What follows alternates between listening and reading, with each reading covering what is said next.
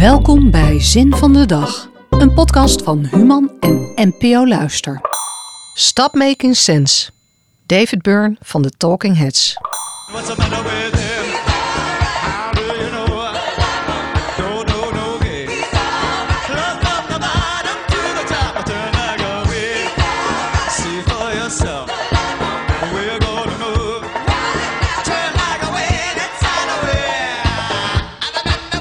Wanhopige fans hebben het zich jaren afgevraagd. Heeft iemand, maar dan ook iemand, enig idee waar Slippery People van de Talking Heads over gaat?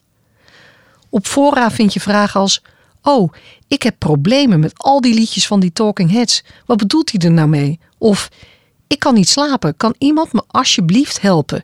En iemand die antwoordt: Ja, nou, ik weet het ook niet hoor, maar ik ben ook zo ontzettend oppervlakkig. Apple staat op het album Stop Making Sense. En misschien hebben we daar het antwoord naar de betekenis te pakken. Hou maar op met die te zoeken.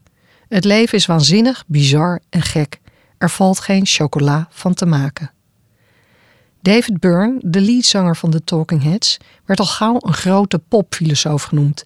De intellectueelste nerdmuzikant op aarde toen hij in 1984 met dit album kwam.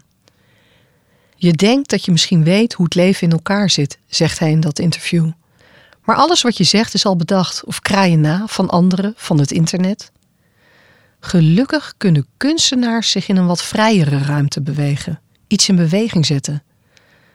Al begreep ik hem niet helemaal, het klonk diepzinnig en je kon er geweldig goed op dansen trouwens op die muziek. Het enige wat je hoeft te doen is alle behoefte om overal maar betekenis aan te willen geven even op pauze te zetten.